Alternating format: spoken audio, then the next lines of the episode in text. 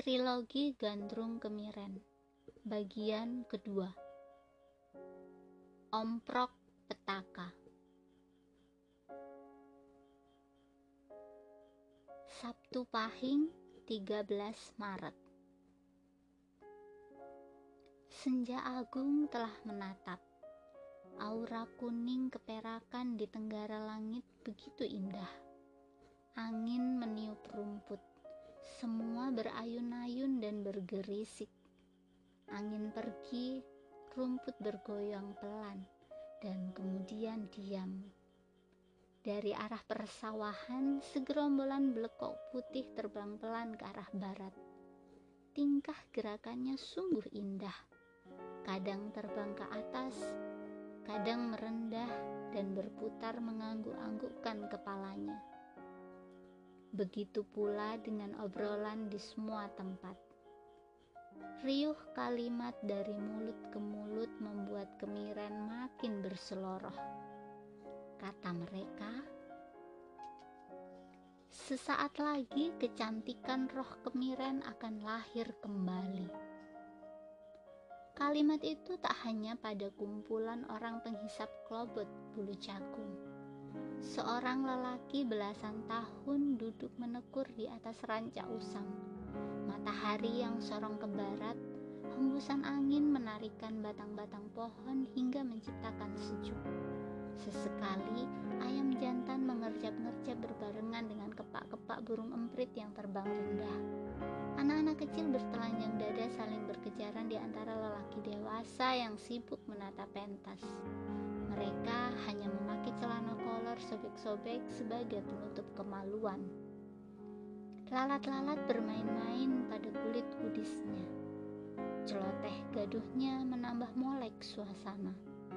Mereka hendak menaiki batang-batang pentas yang baru terpasang. Namun suara serak menghardik. Minggat kalian, Segerombolan anak-anak miskin dan bodoh berlarian sambil tertawa. Ada pula yang menangis sesungguhkan. Kawannya mencoba mendiamkan, tapi anak itu menggeleng membisu. Mereka meninggalkan anak kecil yang bergulung-gulung di atas tanah. Seorang perempuan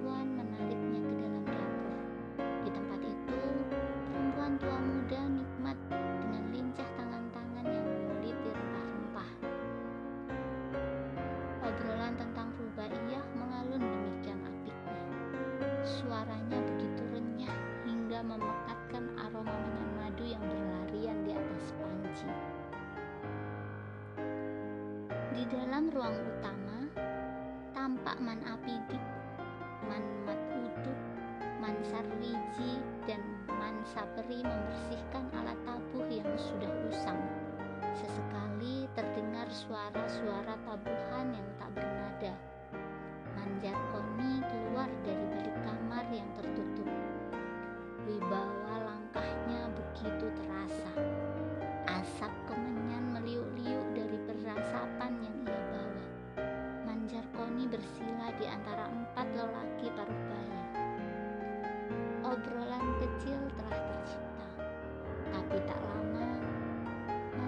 Jarkoni meraih gelas seng yang berisi kembang telon. Man Apidik, Man Mat Uduk, Man Sarwiji dan Man Saperi bersila melingkarinya. Perasapan yang bersanding dengan perangkat tabuh. Matanya terpejam. Tak ada suara yang meluncur dari bibir mereka. Mata paruh baya itu terpejam. Siapa mantra meluncur dengan deras Manjarkoni kembali menyeduhkan menyan madu di atas bara api. Asap menyembul begitu pekat. Suasana hening. Tangan Manjarkoni menggebrak lantai tanah sebanyak tiga kali. Semua mata kembali terbuka. Manjarkoni menganggukkan kepalanya. Man Apidik meraih kempul dan menahannya di atas perasapan. Manjarkoni memejamkan mata Bibirnya kembali komat kamit. Sesaat kemudian, Manjar Koni mengoles alat tabuh itu dengan air kembang telon. Tangan tua berbalut kain hitam itu menabuh kempul tiga kali. Tak hanya kepada Man Apidik dan kempulnya, ritual itu berlaku pada Man Mat Uduk dengan keluncingnya, Man Sarwiji dengan kendangnya, dan Man Saperi dengan ketuknya. Semua duduk bersila melingkari perasapan, kembang telon dan perangkat tabuh itu. Sesekali tangan Manjarkoni merogoh kantong celananya. Asap menyan madu kembali menari dari perasapan. Bau wangi mistis itu meliuk-liuk hingga menyapa keheningan di dalam kamar. Di sisi kasur berbalut sutra merah, Rubaiyah duduk bersimpuh di hadapan Bek Jaripah. Tubuhnya hanya terlilit jarit Bentuk padat dan berkulit kuning langsat terlihat jelas. Mata yang agak terpejam, begitu tentram dengan payung alis seperti bulan sabit tengkurap. Bibirnya yang ranum menjadi pelengkap wajahnya. Sesekali angin menerobos masuk. Rambut legamnya yang terurai bergoyang-goyang. Bulu ari pada tekuk tersingkap hingga merangsang kumbang dan menatapnya dari pojok. Perempuan itu benar-benar berbeda. Tak ada sisik dan kudis kumuh. Bek Jaripah masih memejamkan mata. Suara kecap japa mantra kencana wening begitu lirih terdengar. Berkali-kali perempuan paruh baya itu meniup ubun-ubun. Ada aura dingin yang menggetarkan tubuh Rubaiyah. Bek Jaripah meraih gayung batok kelapa. Dengan tenang, gayung itu mengambil air di kendi yang penuh dengan kembang telon. Tubuh eksotik itu diguyur. Bunga-bunga segar rontok seketika. Air itu terus menggerayang hingga jarit basah kuyup. Rubaiyah mengusap sisa air yang mengaliri wajahnya. Perempuan itu tersenyum. Aura embun putih memancar dari wajahnya. Begitu sejuk dan membuat alam raya terpana. Bik Jaripah tersenyum. Baiklah, Beng. Susuk air pengasih sudah mengalir dalam darahmu. Jangan pernah terkejut dengan segala bentuk harapan lelaki yang menggandrungimu. Ujar Bek Jaripah. Maksudnya bagaimana, Bek? Tanya Rubaiyah. Sudahlah, nanti juga tahu. Bek Jaripah tersenyum. Ia masih terbayang gemerincing emas yang hampir pasti mendekatinya. Yang penting, kamu ganti jarit itu. Ritual meras gandrung akan dimulai. Sambung Bek Jaripah. Rubaiyah mengganggu. Ia bangkit. Rubaiyah ingin memanggil Mudayana, tapi Bek Jaripah melarangnya. Perempuan paruh baya itu ingin menjadi pelayan pertama. Rubaiyah tersenyum. Ia menanggalkan jarit basah itu. Tubuh eksotik tanpa sehelai benang tampak menggoda. Wajah merona tersingkap dari wajah Rubaiyah. Siul jangkrik menggema dari kamar itu. Desir angin kembali membelai rambut yang agak basah. Bek Jaripah kembali tersenyum. Ia kagum dengan kecantikan tubuh perawan terpilih itu. Rubaiyah membersihkan tubuhnya. Bek Jaripah meraih jarit bercorak gajah uling yang tergeletak di atas kasur. Ia melilit rapat jarit itu ke tubuh Rubaiyah.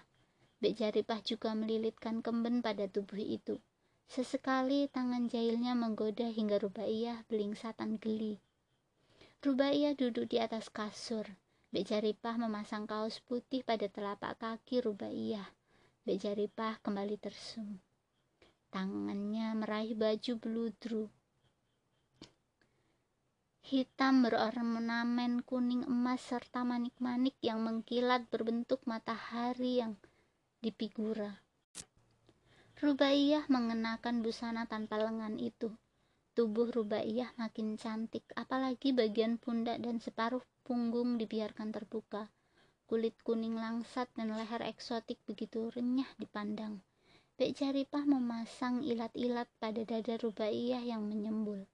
Tak hanya itu, lengan tangan Rubaiyah yang berbulu ari pun dihiasi kelat bahu, dan bagian pinggang Rubaiyah dihiasi ikat pinggang dan sembong kain warna-warni.